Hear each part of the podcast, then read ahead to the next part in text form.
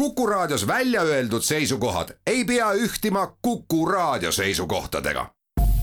Te kuulate Kuku Raadiot.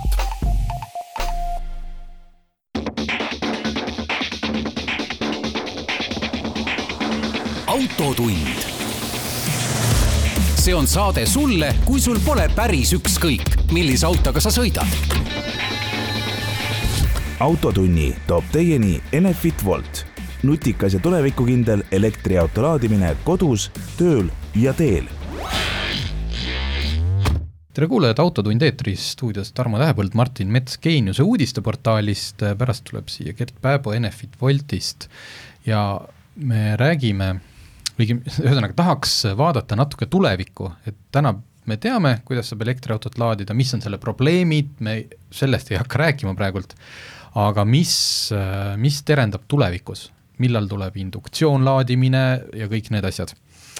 aga ennem seda räägime siin uudiseid ja päevakajalisi teemasid. kõigepealt minul, käisin välisreisil, ma ei tea, kas tänasel päeval see ikkagi veel on eriline asi, millega uhkustada, või, või on juba reisimine taastunud, ei oskagi öelda, lennuk oli küll tühi, kui mina läksin Münchenisse, käisin, sõitsin seal Kiia Sportage'iga, aga äh, mida mul eelmine kord, kui me sellest Kiiast rääkisime, ei, ei mahtunud sisse, oli see, et mul jäi seal ka päris mitu tundi vaba aega. ja ma ei viitsi kunagi siis hotellis istuda, kui on uus linn, läksin jalutama. ja avastasin üks hetk, et ma kõnnin suurel, selline suur kaubandustänav, selline nagu mõlemal pool teed Äh, suured poed, kaubamajad, väiksemad poed, butiigid, restoranid ja kõnnid ja kõnnid ja siis mingi hetk ma sain aru, et ma kõnnin äh, nii-öelda sellel unistuste peatänaval, mida Tallinnasse on vaja, või siis noh, paljude arust vaja, paljude arust ei ole, selle kõrvalt läks teine paralleelne sama suur tänav, kus ei olnud autosid. Ja ühesõnaga terve see kesklinna osa. Ja me räägime Münchenist, mis on ju, kus näiteks asub BMW peakorter. Seal oli lähedal minu teada Mercedes, ühesõnaga ikka korralik selline autopealinn. Äh, jah, ma ei küsinud üheltki Müncheni inimeselt, mida nad sellest arvavad, võib-olla nad oleks mulle öelnud seal scheisse ja kõiki muid sõnu, aga ma, ma nägin, et see on võimalik ja ma tean, Tallinnas on vanalinn, eks ju, nii-öelda autovaba, aga kes on viimasel ajal vanalinnas, on üldse, ma olen ise vanalinnas töötanud. See autovaba on seal, noh, see on ikkagi väga-väga väike, üks, kaks, kolm, neli tänavat, et Tallinna vanalinn ei ole autovaba tsoon. mul on kusjuures vastupidine mulje, kui ma ükskord käisin Prahas, see oli nüüd kaks aastat tagasi, et ähm, kõndisin hilisõhtul keset tänavat ja vaatasin, nii tore selline jalakäijate suur tänav ja asi, ja siis üks hetk tuli auto selja tagant, ei, see oli siiski tänav. aga see nägi välja kõik nii, nagu see ei, ei peaks olema üldse tänav. ühesõnaga, see oli, äh, mulle see meeldis, äh, võin rahustada siis kõiki neid kauplejaid, kes arvavad, et siis ju nende kaubandus ja restoranindus kukub kokku, kui inimesed ei saa autoga enam lähi, ma ei tea, Münchenit vaadates ei tundunud see niimoodi, isegi koroona ajal oli seal inimesi väga palju liikumas, noh, jõulueelne aeg ka muidugi, ühesõnaga mulle see väga meeldis ja tramm sõitis ka seal ja nagu ka Tallinna vanalinnas ka nendel suletud tänavatel, näiteks hommikul kuuest hommikul kümneni on lubatud sisse sõita, et ühesõnaga kõik erandid on võimalikud, et elu ei jää seisma, aga see oli nii ilus. see oli päriselt ilus. nii, aga ma räägin nüüd Eesti, Eesti elust, et äh, vahepeal tegelikult selge, see ei ole nii ilus. jah Riigikogu võttis vastu seaduse, et trahvid tõusevad meil, liiklustrahvid põhimõtteliselt kiiruse ületamisest siis sisuliselt kahekordseks, ka maksimummäärad tõusevad, kui varem oli sada üheksakümmend eurot, siis nüüd on kolmsada eurot järgmisest aastast et äh, pidage siis seda meeles, ega muud ei olegi, peale selle veel saavad ka noh, see nüüd ei jõustu nagu kohe, ei muutu nagu käegakatsutavaks, see jõustub, aga ei hakka veel seda juhtuma, et linnad ja vallad saavad siis hakata äh, koostöös äh, Transpordiametiga üles panema enda kiiruskaameraid ja koostöös politseiga. et äh, ilmselt nüüd kiiruskaameraid järgmine aasta tekib Eestisse äh, väga palju juurde. kõik vallavalitsused, need, neil on juba valmis ostetud, need on neil juba äh, noh, niimoodi ja, kaamera, kaamera silm on puhtaks. siin on üks naljakas asi on see, on ju, et linna-valla kaamerad on ju, et äh, seal nii-öelda see tulu jagatakse yeah. pooleks, aga samal ajal riik tegi selle niisugune ka, et aga tõstame trahvimäärad kahekordseks, mis meil jääb tulu samaks ja, ja saab veel natuke see vald ja kohalik omavalitsus saab ka veel natukene oma selle katiga kätte, et selline naljakas lugu. ma mõtlen, kas see koostöö seisneb selles, et noh, et ma saan aru, et noh, oma üks koostöö osa on selles, et kogu see, mis puudutab isikuandmeid, kogu see trahvi edastamine, rahade kogumine, aga seal on kõik see, et Transpordiamet läheb, ütleb siis noh, entusiastlikule vallavanemale, kuule mees, noh, siia ei ole seitse kiiruskaamerat selle poole kilomeetrise lõigu peale ei ole ei, mõistlik.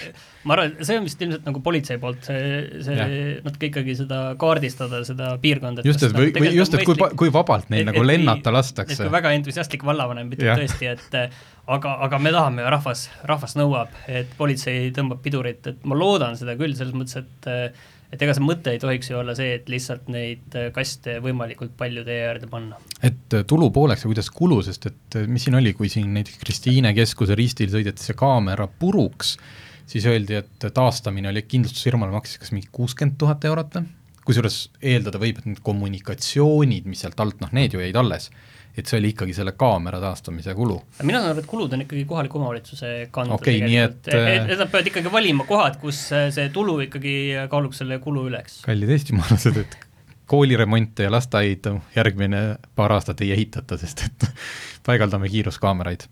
Äh, muuseas, sellega mul oli see lõppu pandud, et juhul, kui aega jääb, väike nupukene oli autoblogis leidsin, äh, nad on kokku pannud maailma kaardi, kus on siis välja toodud äh, liiklustrahvid kiiruse ületamisest, kõige kõrgemad.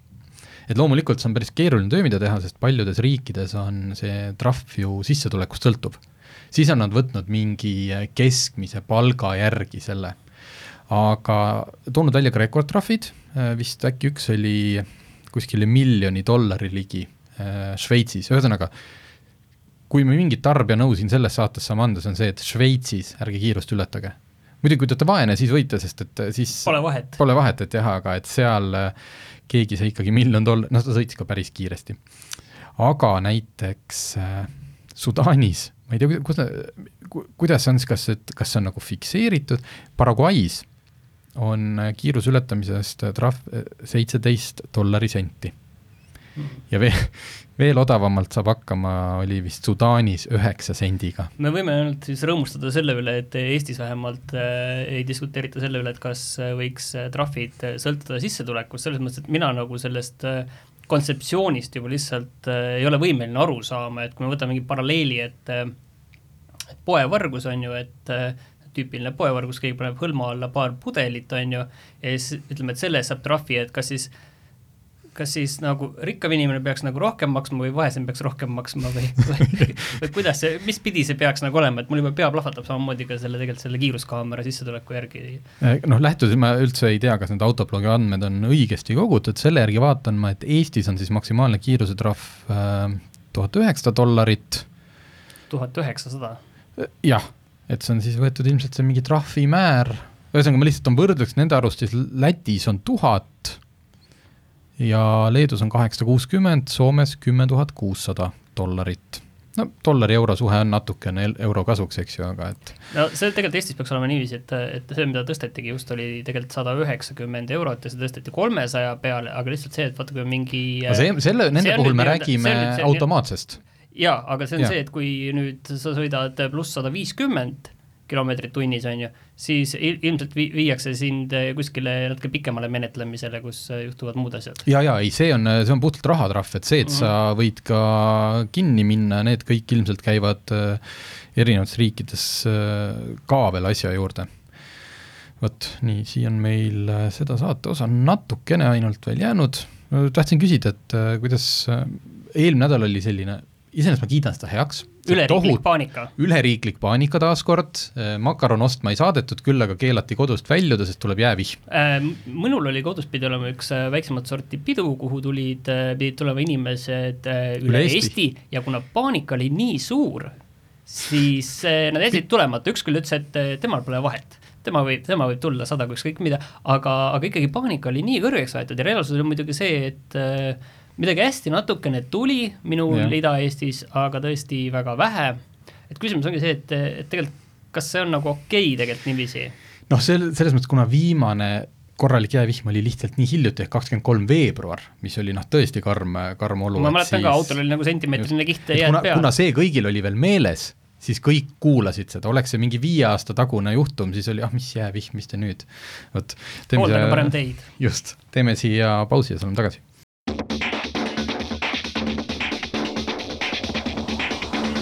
Autotund see on saade sulle, kui sul pole päris ükskõik, millise autoga sa sõidad. autotund tagasi stuudios, Tarmo Tähepõld, Martin Mets. ilmastikuoludes mina nägin Tallinnas, Kalamajas, Pelgulinnas kühveldatakse seda viimast lund kokku, mis veel peale vihmasadu järgi on ja selline eelmine nädal oli nagu tõeline talvetrenn. juht, autojuhtidele, teehooldajatele läbiti nagu kõik, kõik etapid alates ka, üleriiklikust potentsiaalsest katastroofist kuni noh, ikkagi korralike lumehangedeni. Endal oli ka, et sai vist nagu kõik olud ära tegelikult järele proovida, et sõitmine lumes, sõitmine eh, täiesti kuival asfaldil, sõitmine puhta jää peal, sõitmine keset eh, lörtsisadu, et kõik, kõik asjad sai ära proovida, et selles mõttes ikkagi väga tänuväärne ilm oli. vot äh,, siis äh, tänuväärne veel äh,, elektriauto uudistest ei pääse, sest et äh, mis see on siis, neliteist detsembri hommikul, meie aja järgi hommikul, Jaapanis äh, tehti üks esitlus, tegi Toyota korporatsioon tegi esitluse, äh, mis ka esitlus oli, ehk et kui ähm, võib-olla siin äh, autoteadjamad on tähele pannud, et siin kolm-neli aastat meil on üks niisugune korralik elektriautode pealetung tulnud, mis meil oli see aasta, üle neljakümne elektriauto saab juba Eestis ainuüksi osta, siis Toyota valikusse lisandub esimene täiselektriline auto alles äh, järgmisel aastal, kaks tuhat kakskümmend kaks, siis nüüd äh, on Toyota vist gaasi põhja lükanud, sest sellel esitlusel oli nii-öelda pildil välja toodud viisteist kontseptautot või noh, vähem, mõni neist tuleb varem, mõni natuke hiljem, mis äh, lähiaastatel töösse lähevad, see on koostöös Lexusega ja noh, aastaks kaks tuhat kolmkümmend oli neid autosid kolmkümmend, aga seal pildil oli juba välja toodud viisteist autot. Äh, noh, loomulikult tuleb siin kohe varsti üks väiksem linnamaastur sellele BZ4X-ile lisaks. Äh, põnev uudis oli, et üks legendaarne sportauto, mille Lexus ehitas siin päris hea mitu aastat tagasi, LFA V10 mootoriga ja nagu paljude-paljude autoajakirjanike arust, kes on sellega sõita saanud, üks maailma parimaid sportautosid üldse. et äh, sellel tuleb järgi äh,, järeltulija äh,, loomulikult täiselektriline, aga selles mõttes oli väga huvitav, et äh, noh, iga auto kohta eraldi seal väga palju infot ei olnud, aga tundub, et äh, nad on seda asja tõsiselt võtmas jah, et kui vahepeal tundus, et Toyota on see, kes selle teemaga nagu üldse ei tegele ja siis, kui nad selle veidra nimega, mida mina tõesti enam ei mäleta, selle auto välja kuulutasid, siis tundus, et see on ka selline, et okei okay,, me teeme siin ka ja siin see üks on ja ega me ei arva, et keegi seda eriti ostaks, aga nüüd tundub tõesti, et on ikkagi tõsi taga. siin oli veel eelmine või üle-eelmine aasta mm, Toyota äh,, vist Akita Toyota ise, ühesõnaga võttis nagu väga karmilt sõna elektriautode vastu ja seda kuidagi tõlgendati nii, et noh, nagu Toyota nüüd sellesse ei usuks ja ei teeks, äh, tegelikult see hiljem noh, siis see oli kuidagi kontekstist välja võetud, et tegelikult ta nagu ütles, et noh, see, see kõik ei saa niimoodi kohe ja äkki juhtuda, et mitte, et Toyota kunagi ei hakkakski elektriautosid tegema. aga noh, nad on siiamaani ei ole olnud, vaata, paljud Euroopa ja Ameerika tootjad on olnud selleks sunnitud. noh, näiteks nagu Volkswagen, sest neil on vaja oma seda keskmist CO2 heidet nii võimsalt alla saada ja sellepärast push itakse nagu noh, juba praegu Toyotal oli tänu oma see, hübriididele jah, aga see push imine on olnud muidugi väga halb tegelikult ikkagi no. sellepärast, et noh, kui mingit asja on vaja vägisi teha, siis on kaks võimalust, et kas tuleb midagi väga head sellest välja või suurema tõenäosusega tuleb palju ja, ja väga mõttetut kraami, et no loodame, et Toyotal oli siis aega rahulikult mõelda ja arendada. vot see ongi. just, ja tulevad, äkki tulevad lausa tahkishakudega minu arust Toyota oli üks nendest, kes seda, sellesse tehnoloogiasse seal päris palju panustab, lisaks muidugi vesinik, aga las see jääb saate teise poolde. Äh, siis üks teema, mida me siin natuke uurisime, äh, seotud jällegi kiibikriisi ja praeguse nii-öelda auto defitsiidiga äh, ja natuke puudutab ka enne seda olevat aega, et lähen, ostan auto, valin välja, sõlmin lep-, ütleme, et kui ma ei võta laoautot, tellin omale no nagu ikka on alati olnud, et sulle kuu-kahe jooksul see auto siis saabub eh, tehasest või kuskilt vahelaost eh, Euroopast, kus see on olemas, just, aga siis mõte muutub. et äh, mis siis saab, kui kaua mul on õigus autot, eriti praeguse kiibikriisiga valguses, et kui kau-, noh, kas ooteajad on mingi kuus, just, seitse, kaheksa kuud? sulle öeldakse, et no meil vist saab kuue kuu pärast, aga ega autofirma ise ei saa ka ju kindel olla lõpuni, et noh, kuniks see auto sinna liinile pole pandud, pluss pärast seda võib veel keegi kuskil seal otsustada, et äh, saadame need hoopis Norrasse või no see on Just. tüüpiline asi, mis tegelikult Euroopa turul juhtub, et see, et kui mingid asjad on mõeldud alguses paberi peal Eestisse, aga siis on, et ei, tead, tegelikult äh, üks teine suur, suurem Euroopa tähtsam turg tahab neid asju endale ja siis antakse sinna. just, ühesõnaga sellega tegelikult noh, ütleme ajakirjanduslikus mõttes äh, halb inimeste mõttes hea, et sealt mingit väga suurt äh, draamat vähemalt siin Eestis välja ei koorunud, ei Amptel ega ka siis äh, mis on see, Tarbijakaitseamet ja Automüüjate Liit ei äh, ei, nad ei osanud välja tuua ühtegi sellist traagilisemat või suuremat vaidlust, kus A, klient oleks, ütleme, tellinud auto ja talt oleks hakanud, noh, teinud ka ettemaksu ja siis hakatud nõudma nagu kordades suuremat, mitte kordades, aga palju suuremat hinda, sest meil vahepeal hinnad tõusid. see on natuke sama, mis eh, nagu tegelikult eelmine nädal tuli, et mis toimub kinnisvaraturul, et sa broneerid endale korteri, ütleme, et noh, mis need tänapäeva hinnad on, kuussada tuhat on ju, ja siis, kui see aeg, et see korter saab nüüd valmis, arendusest ehitatakse, saab valmis, öelda, et noh, tead, tegelikult kuussada kümme on ju, et väi-, väike boonus meile peale. et see on nüüd täitsa le-, legaalne süsteem, millega tehakse, aga ma saan aru, automaailma see veel ei ole jõudnud. ei ole, siin on näiteks noh, infoauto, kes müüb Ford ja Volvosid, on öelnud, et noh, see hinnatõus võib olla kaks-kolm protsenti, aga kuna, kui ostja on juba müü-, ostu-müügilepingu ära sõlminud, siis talle antakse hinnagarantii. et see võib juhtuda laoautode puhul näiteks, et kui noh, vaatad praegu, oo, tulevad laoautod siin, ma ei tea, ma broneerin ära, aga sa ei ole veel nagu lepingut sõlminud, et siis võib seal aga üldiselt on nagu kõik asjad saadud ikkagi läbirääkimiste teel ja kui on vastupidi, et kliendil on vahepeal tuju muutunud, ta on küll ettemaksu ära teinud, auto on tellimusse läinud, siis, siis on ikkagi kõik autofirmad, kellega me rääkisime, ütlesid, et on nagu noh, see on niisugune härrasmeeste või see on kokkuleppe küsimus. et kui sa oled komplekteerinud nagu okei okay auto, mille nad leiavad uue ostja, siis noh, selles mõttes nad ei hakka sult äh, vägisi, sest see on võib-olla ka nagu halb, kuidas ütled siis, meediaga või noh mm, -hmm. Kui sa, kui sa jätad selle ettemaksu, neil on õigus see aga mis siis saab, kui ma ikkagi selle Golfi ostan endale eh, lillade velgede ja roosade istmetega? Äh, ja sellest loobud, no siis käsirahast oled ilmselt ilma. et seda ostukohustust sulle loomulikult keegi panna ei saa, et sa nüüd pead selle ära ostma, aga käsirahast oled sa ikkagi ilma, et ma ei tea, mis, mitu protsenti see siis on. et hetkel siis see, see kriisindus ei ole jõudnud sinnamaani, eks ta ongi, et see aasta see jama ju lahti läks ja kui keegi praegult nüüd siis noh, et need potentsiaalsed probleemid võivad tekkida siin esimese poolaasta jooksul. muuseas, Toyota täna saatis pressiteate, ma ei ole seda lõpuni lugenud, aga väidetavalt Toyota ma nüüd loodan, et ma ei astu siin mingisse pi-, PR-lõksu, et nemad hakkavad, et nende tehaste tootmisvõimsus hakkab taastuma. ilmselt leiti kuskilt mingi kiibivärk ja loodetakse esimese kvartaliga juba puudujäägid tagasi teha. Kuigi ma ei, võib-olla Toyotal on see võimalik, Euroopas, Amteli juht ütles, et Euroopas tavaliselt iga aasta ostetakse umbes kuusteist miljonit autot ja eelmine aasta jäi sellest kolm miljonit puudu, mis tähendab seda, et noh, teoreetiliselt peaks see aasta, see aasta peaks siis kõik automüüjad kokku mingi kuus miljonit autot rohkem tootma, et saaks nagu eelmise aasta puudujäägid tasa. vot, aga siia lõppu veel üks tore, saime ühe lugejalt toreda reisikirja, mis minul oli väga oluline, sest mina kohati olen siin mõelnud, et mul oleks vaja Itaaliast tuua üks, üks projektiauto, aga tema mõtles samamoodi, et kui müüdi pileteid kaheksa euroga, saab Ro-, Rooma lennukipilet, lendab sinna, ostab mingi auto, sõidab tagasi. jube kihvt seiklus ka ja tripib Hispaania, Itaalias. lõppes see kõik niimoodi, et umbes neljakümnele Facebook Marketplace'is saadetud kirjale, kahekümnele ei tulnud üldse vastus, mõnele tuli mitme nädala pärast ja enamikud ei olnud, enamik ei olnud nõus müüma. Ja need, mis olid, olid noh, üks oli kümme aastat seisnud Jaguar, mida ei olnud kunagi liigutatud. Ja, ja kõige naljakam oli see, et ühe auto puhul, kui nad olid kaks tundi suutnud, püüdnud välja mõelda, kuidas saaks neid dokumente ümber teha, sest mm -hmm. tema, tema jõudis selleni, et eest, kuidagi sa ei saagi sealt osta, mingi lepinguga, mingi jama oli, siis müüja lõpuks sai kõne oma emalt, neljakümneaastane mees, sai kõne oma emalt, kes keelas üldse selle avantüüriga kaasa minna. kahtlane värk.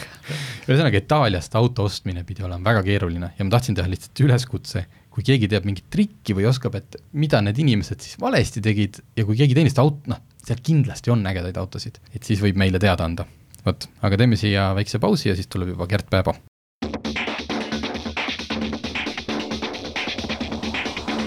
autotund. See on saade sulle, kui sul pole päris ükskõik, millise autoga sa sõidad. nüüd on stuudiosse tulnud Gert Pääbo, kes on Enefit Bolti äriarendusjuht ja temaga me räägime elektriautode laadimise rohkem tuleviku poolest mitte enam nii palju sellest, et mitu laadijat Eestis järgmine aasta juurde tehakse või, või ka kahe aasta pärast, vaid et laiemalt globaalselt, kuhu see liigub et kui praegult on selline noh, tava- ja kodulaadimiskiirus, no ütleme kakskümmend, kuni kakskümmend kaks kilovatti tunnis, sellised tavaavalikud kiirlaadijad on viiskümmend kilovatti, Eesti mõistes ultrakiireteks kiputakse nimetama siis sada kilovatti ja üle selle. ja kas mitte seal Baia-Ristis ei ole käik kolmsada viiskümmend, juhul kui üks auto korraga laeb, kui juba mitu, siis ta hakkab seda võimsust jagama selleks muidugi kolmesaja viiekümnega ja sellega laadida, siis peab ka autol olema juba selline vist kaheksasaja voldine elektrisüsteem, äh, tavaliselt on kas neli või viissada, ühesõnaga praegult me oleme jõudnud äh, kohta, kus selline sada kilomeetrit sõiduulatust parimatel autodel kiires laadijas, väga kiires laadijas on võimalik saada umbes viie minutiga. viis minutit on selline keskmine aeg, mida on arvatud, noh, orienteeruvalt, kui inimene veedab tanklas tavalist autot tankides. tuled kohale, võtad see püstoli, maksad, kõik, ehk et noh, päris samas kohas ei ole, sest selle viie minutiga saab sada kilomeetrit, samas saad sa kodus laadida. aga kas, kas kuskil nende tehnoloogiated töötakse, et äh, kuhu, kuhu nagu see piir tõmmatakse? Hmm. kolmesaja viiekümne juurde viissada, tuhat kilovatti, et lööb mul nagu selle auto nagu superkondensaatori täis või hmm. et äh, jaa, tere minu poolt ka. et äh, selles mõttes on olnud väga põnev jälgida, kuidas see laadimise maailm liigub. et äh, siin jah, aasta-poolteist tagasi hakkasid tekkima esimesed autod, mõtted sellest, et et mitte siis kasutada neljasaja voldiseid akusid või kolmesaja viiekümneseid, vaid, vaid siis juba kaheksasada volti ja tegelikult äh, nüüd selle aasta jooksul on jah, tulnud siis juba mitmeid mudeleid välja, mis, mis toetavad, äh, mis omavad ka siis kaheksasada volti akut, ehk siis võimaldavad tõesti seal kakssada viiskümmend äh, kuni siis kolmsada kakskümmend kilovatti laadimist ka auto poole pealt. ja teistpidi on ka siis nii-öelda taristu selles suunas liikumas. et kaheksa voldiste autode puhul jah, meil on siis turul täna Porsche Taycan, samamoodi Audi e-tron GT on siis äh, Hyundai Ioniq ja Kiia, äh, et tegelikult noh, kui jah, siin aasta tagasi oligi siis see, et ülikiirlaadimist või see tõesti ultrakiire laadimine oli siis nii-öelda premium-klassi autodele, siis on näha, et tegelikult ka mitmed autotootjad on hakanud selles suunas vaatama ja selles suunas liiguvad ja, ja tegelikult noh, võib ka näitena tuua, et kuhu see veel nagu edasi liigub, et siis tegelikult ka Lucid Air äh, mm siis elektriauto tootja on, äh, on siis samamoodi äh, tulemas välja elektriautomudeliga, millel on siis üheksa voldine aku. et on võimalik ka siis see laadimiskiirus viia sinna kolmesaja kuuekümne kilovati juurde. Ja, ja noh, teoreetiliselt siis sul on võimalik seal äh, ühe tanklapausiga saada seal ka kolme minutiga see sada, sada kilomeetrit kätte. et, et see on, see on, see on kihvt, kuidas nende laadimiskiirustega on liigutud ja, ja teistpidi ka siis see, et noh, on, on vaja ka seda taristut vastu ja, ja ühe näitena ka siis ABB, kes on siis samamoodi tuli, tuli suvel turule siis äh, äh, nimetavad ise ka siis maailma kõige kiiremaks laadijaks, on siis kolmsada kuuskümmend äh, kilovatti laadija, mis on siis nii-öelda kommertskasutuseks äh, sobiv.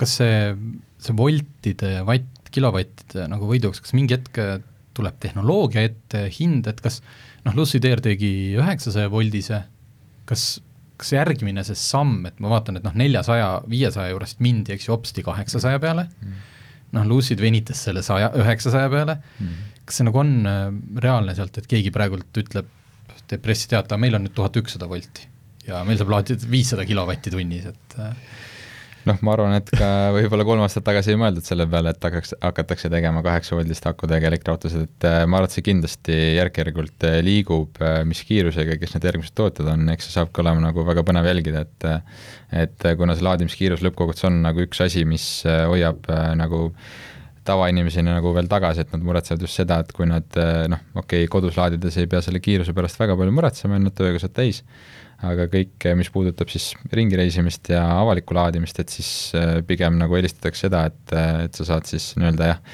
tavaauto väärse kogemuse siis laadimispunktides ja, ja et see laadimiskiirus lähevad siis järjest üles.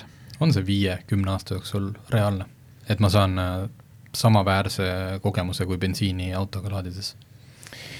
see selles suunas liigub, et noh, muidugi, muidugi see taristu, mis on nii-öelda siis äh, sisepõlemismootori autode mm. jaoks üles ehitatud, eh, noh, kas me just viie aasta pärast seal nagu oleme elektriautolaadijatega äh,, raske täna öelda, pigem, pigem veel viie aasta pärast mitte, aga tegelikult kõik selles suunas liigub ja, ja samamoodi Euroopa, Euroopa Liit siis äh, läbi regulatsioonide on tugevalt seda ka sisse toonud ja ka nõuded siis nii-öelda alternatiivkütuste taristutele on siis läbi selle Fit for 55 paketi loodud ja tegelikult seal nähakse ka ette seda, et aastal kaks tuhat kakskümmend viis iga, iga kuuekümne kilomeetri tagant äh, siis TNT äh, äh, nii-öelda võrgustikus peab olema siis ülikiirlaadimispunkt, siis vähemalt kolmsada kilovatti ja aastal kaks tuhat kolmkümmend siis tavaautode jaoks juba kuussada kilovatti mm. -hmm noh, siin on erinevad sellised, mitte nagu tehnoloogiliselt ulme, ulmevaldkonda, aga pigem selles mõttes noh, et infrastruktuuri mõttes, et äh, näiteks teed, mis suudaks äh, elektriautost laadida, ma tean, et on veoautodele on tehtud mingeid äh, väikseid, kas siis konkreetsete sihtpunktide vahel, mis noh, muudab sisuliselt rekkad nagu trollibussideks. et sul on mm. antenn katusel, mis on siin ühendatud traatidesse mm., et ma ei tea, kas teil oma, istute tiimiga maha noh, tead, te teate, mida te teete järgmine aasta, te teate ka viie aasta lõikes ilmselt on teil roadmap, aga kas te mõnikord nagu teete ka sellise noh, täitsa vabas vormis, et mis või, või olete lugenud mingit materjali, et mis võiks, mis võiks edasi saada? ei, muidugi. kas see laetavad teed mm., mis laevad autosid? Ei muidugi, selle, selle ümber on äh, äge mõelda tiimiga, et äh, kuhu suunas meil see transport liigub ja kuidas nii-öelda läbi laadimislahenduste poole me saame sellele kaasa aidata. ütleme, et äh, jah, mitmetes riikides seda täna katse, katsetatakse, et ka siis nii-öelda läbi selle nii-öelda teevõrgustik on võimalik siis autosid laadida, aga meie nii-öelda pigem siis vaatame selle poole pealt, et et keskendume nii-öelda sellele, et et ehitada üles äh, platvorm, mis juhiks seda energiat äh, targasti, et me ei ühendaks laadijat siis rumalalt võrku äh,, nii-öelda luua väärtust ka siis elektrivõrgule ja energiaturgudele tulevikus. ja, ja teistpidi siis see, et saada katvus nii-öelda läbi tavapäraste ülikiirlaadimispunktide siis Eestis ja teistes äh, kodutururiikides mm. -hmm. Sellest ma, ma jätan selle targa võrgu osa teada, ma hetkel seda ei puuduta, sest ma räägin sellest siis saate viimases plokis, saan natukene põhjalikumalt sellele keskenduda. üks asi veel, mida noh, ma olen lugenud, see on pigem siis niisugune kodu- või töölaadijate puhul, on induktsioonlaadimine. aga ma saan aru, et see vist noh, mina näiteks oma mobiili, kuigi mul see on olemas, ei, ei viitsi sellega tegeleda, sest et noh, see võtab nii kaua aega ja siis mul peaks kogu aeg autost olema kuskil seal aluse peal et kas see, kas see on mingi tehnoloogia, millel on äh, tulevikku, ma tean, BMW vahepeal päris usinalt äh, saatis omaid pressiteateid, kuidas neil oli üks viies seeria ehitatud põhimõtteliselt selle peale, et sõidad oma garaaži, sul asub see plaat seal keset põrandat ja, ja kukub mm. muudkui laadima seda pistikhübriidi. aga kas see on äh, jaa, selles mõttes, et nii-öelda juhtmevaba laadimine, eks ta, eks ta lahendab niisuguse noh, mõnes mõttes nagu olulise niisuguse kliendikogemuse probleemi, et sa ei pea mässama oma juhtmetega ja jube mugav oleks äh, sõita lihtsalt selle nii-öelda laadija peale ja, ja laadimine äh, algab siis automaatselt. Et, või seesama, sõidad linnatänaval, et see linnatänav on sõidad linnatänaval, jah. ei, äh, selles mõttes et ka see on ka niisugune tehnoloogia pool, mis täna on nagu arendamises, ütleme, et seal veel äh, Äh, täna olemasolevate tehnoloogiate puhul äh, need energiakaod on äh, piisavalt suured, need laadijad ise on piisavalt palju kallimad, et nad veel ei asenda niisuguseid tavapäraseid kodulaadijaid. Noh, kui sul just, kui sul just ei ole nii-öelda mm, väga palju raha või, või sa ei näe seda, või kui sa näed seda väga suure probleemina, et sa pead nagu juhtmetega mässama, aga noh, ütleme, et äh, kliendi kogemuse mõttes äh, ole, on see kindlasti huvitav lahendus, mis, mis tulevikus, ma arvan, ka teatud äh,, teatud segmentide ja teatud hoonete puhul saab äh, tavapäraseks ka nii-öelda avalikus ruumis mm. -hmm. et noh, Eesti puhul me muidugi peame arvestama, et sellise ilma nagu täna on, lörts ja lumi ja noh, siis väliparklates on sellega pisut, pisut keeruline. aga noh, ma ütlen, et see tehnoloogia areneb ja, ja on ka siin erinevaid äh, ülikoole, kes sellega tööd teevad ja ja, ja kus on saadud ka siis tegelikult see efektiivsus seal üheksakümne kaheksa, üheksakümne üheksa protsendi peale juba, et äh, et noh, ütleme, et siin paar head aastat läheb aega ja ma arvan, et äh, küll see tehnoloogia äh, järgi tuleb ja, ja ka need hinnad nende kontaktivaba laadijate puhul siis alla tulevad. okei okay,, teeme siia väikse pausi ja siis räägime edasi.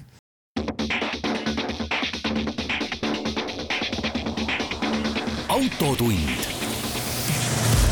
See on saade sulle, kui sul pole päris ükskõik, millise autoga sa sõidad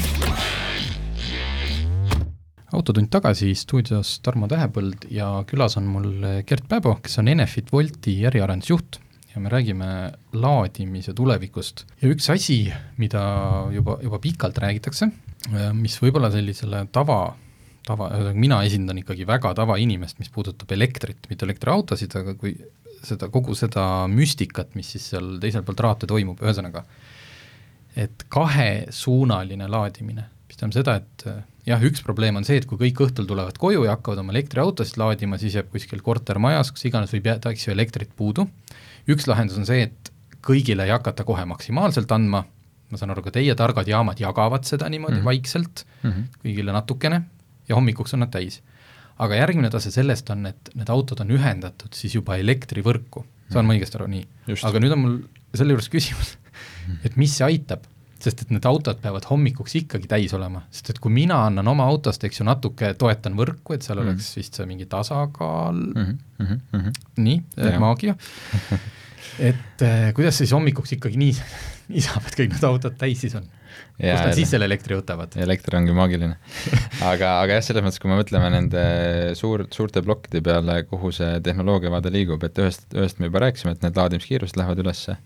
Äh, teiseks kindlasti see, et äh, minnakse järjest üle siis ikkagi tarkadele laadijatele, mida ka siis Wolt on algusest peale tegelikult pakkunud, ehk siis laadijad, mida on võimalik juhtida ja ma siin, siinkohal mõtlen ka siis laadijad, mida on võimalik ühe, ühesuunaliselt tegelikult mõjutada vastu, vastu siis elektrivõrgu vajadust. Ja, ja nii-öelda see kolmas suur vaade ongi see, et see laadimine muutub siis kahesuunaliseks tulevikus, et on võimalik ka auto akust tagasi võrku anda.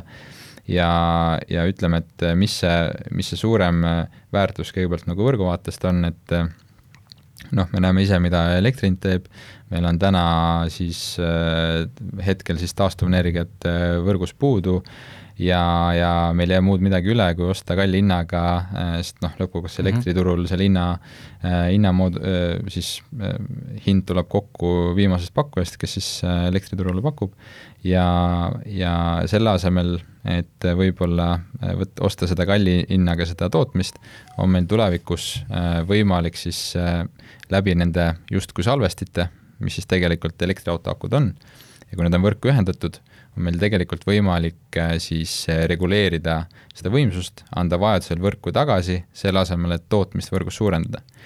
Ja, ja üleüldiselt ka, et äh, see kehtib tegelikult nii kahesuunalise laadimise kohta kui ka ühesuunalise laadimise kohta, et äh, elektrivõrgus meil on äh, väga oluline, et meil oleks alati tootmine ja tarbimine tasakaalus. Et kui tootmine ja tarbimine on tasakaalus, siis on meil sagedus viiskümmend hertsi ja me ei pea muretsema selle pärast, et näiteks äh, lambid siin toas vilguksid, on ju, ja, ja et äh, juhtuks ka siis elektriseadmetega erinevaid rikkeid. Aga noh, mida aeg edasi, seda volatiilsemaks meil äh, elektri hind läheb, äh, samamoodi tootmine, kuna järjest tuleb võrku taastuvenergiaallikaid juurde. ja, ja tegelikult siin tulevadki mängu just elektriautolaadijad, elektriautoakud, äh, et meil on võimalik jah, seda tarbimist ühesuunalise laadimise puhul siis alla reguleerida, aga noh, ma ütlen, siin, siin tuleb ka teistpidi jah, tuleb klient mängu, on ju, et lõppkokkuvõttes äh, ka meie oleme täna neid lahendusi katsetamas ja testimas oma autode, oma laadijate peal, aga lõppkokkuvõttes see tuleb ka paketeerida kliendile nii-öelda kasutatavaks, et lõppkokkuvõttes äh, need lahendused, mida me täna arendame, need ei saa äh, käia üle kliendi äh, nii-öelda mugavus mm -hmm. taluvuspiirist, et lõppkokkuvõttes klient peab saama ise määrata, kas ta tahab ja kui palju ta tahab siis anda enda elektriautot nii-öelda virtuaalsesse elektrijaama, kus siis seda juhitakse vastu energiavõrgu vajadust nii et see võib ühtepidi olla võrgu vajadus, aga see võib olla ka nii-öelda rahaline võit, et kui sa oled nõus selles diilis osalema, siis sul võib-olla see, kui sa otsustad kell kaks öösel sõitma minna, siis selgub, et see auto ei ole veel täis, aga küll sa oled saanud soodsamalt elektrit. just, just, et noh, ütleme, et see raha teenimise aspekt on, on nagu siin väga oluline, et see on, see on üks selline väga huvitav, huvitav nüanss, mis nagu elektriautodega hakkab tulema, mida sul nagu noh, sisepõlemismootori mm -hmm. autoga sa ei isegi noh, ei saaks tulla sellise asja peale, on ju, et sul on võimalik siis tegelikult eh, tankimise eest eh, raha teenida. et sa müüd oma kütust vahepeal nagu laena, laenad eh, intressiga välja just, just, et noh, see käibki nagu saab kahepidiselt käia, et üks, üks variant raha teenimiseks on see, et sa laed odavatel tundidel, müüd kallimatel mm -hmm. tundidel siis võrku tagasi ja sa saad seda ise siis juhtida ja määrata ja teine asi on siis see, et samal ajal, kui sinu laadija on ühendatud äh, siis äh,, sinu elektriauto on ühendatud siis laadijaga ja ka võrguga, mis omakorda on siis virtuaalse elektrijaamaga ühendatud, et siis on võimalik ka nii-öelda virtuaalse elektrijaama poolt anda signaal, et nüüd on meil vaja siis kas äh, nii-öelda tarbimist äh, alla reguleerida või siis üles reguleerida läbi akust äh, siis äh, võrku andmisega.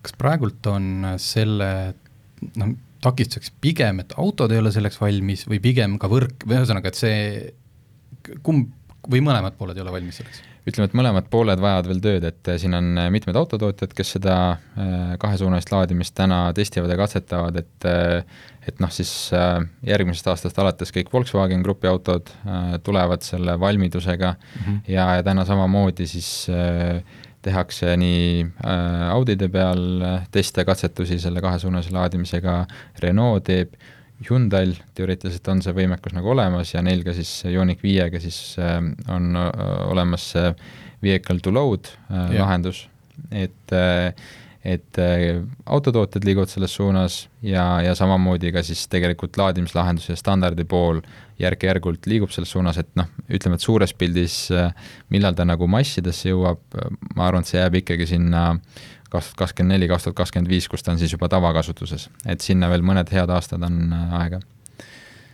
Aga erinevaid piloote, erinevaid katsetusi läbi viiakse, et noh, äh, kahesuunalise laadimise eelkäija või noh, selline nii-öelda juhtiv autotootja on endiselt Nissan mm, -hmm. et, et on ka siis Jaapanis täiesti nii-öelda tavakasutuses Eh, teenusena ja, ja erinevaid piloote ka siis eh, Euroopas eh, läbi viidud. okei okay,, nii et põhimõtteliselt igast autost saab elektrijaam?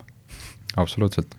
ja, ja küsimus ongi, et kuidas seda, kuidas seda võimalust ära kasutada, et noh, tegelikult see transpordi ja energiasektor järjest kasvavad omavahel kokku ja tegelikult see loob väga palju väärtust ja võimalust ühtepidi võrgule aga, aga teistpidi ka siis elektriauto omanikele, et on tõesti võimalik selle pealt raha teenida ja, ja Woldis nagu meie küsimus ongi see, et kuidas me saame lõppkokkuvõttes su transpordi või siis nii-öelda auto omahinda alla viia ja noh mm -hmm., tegelikult väga hea võimalus selleks ongi juhtida seda vastu äh, elektriturgu. okei okay. äh,, tuleviku teemadel saaks alati vestelda väga-väga kaua, aga kahjuks meil saab saateaeg otsa, nii et äh, ühesõnaga, minu jaoks tuli siit väga huvitav asi välja, et, äh, et see on elektriauto lihtsalt muutub sul äh, öösel vajadusel raha teenimise vahe, vahendiks. kui on, kui on õige aeg ja hetk, kui sa oled nõu- ja kui sa oled nõus muidugi. vot, aga suur tänu, et tulid. jaa, suur tänud.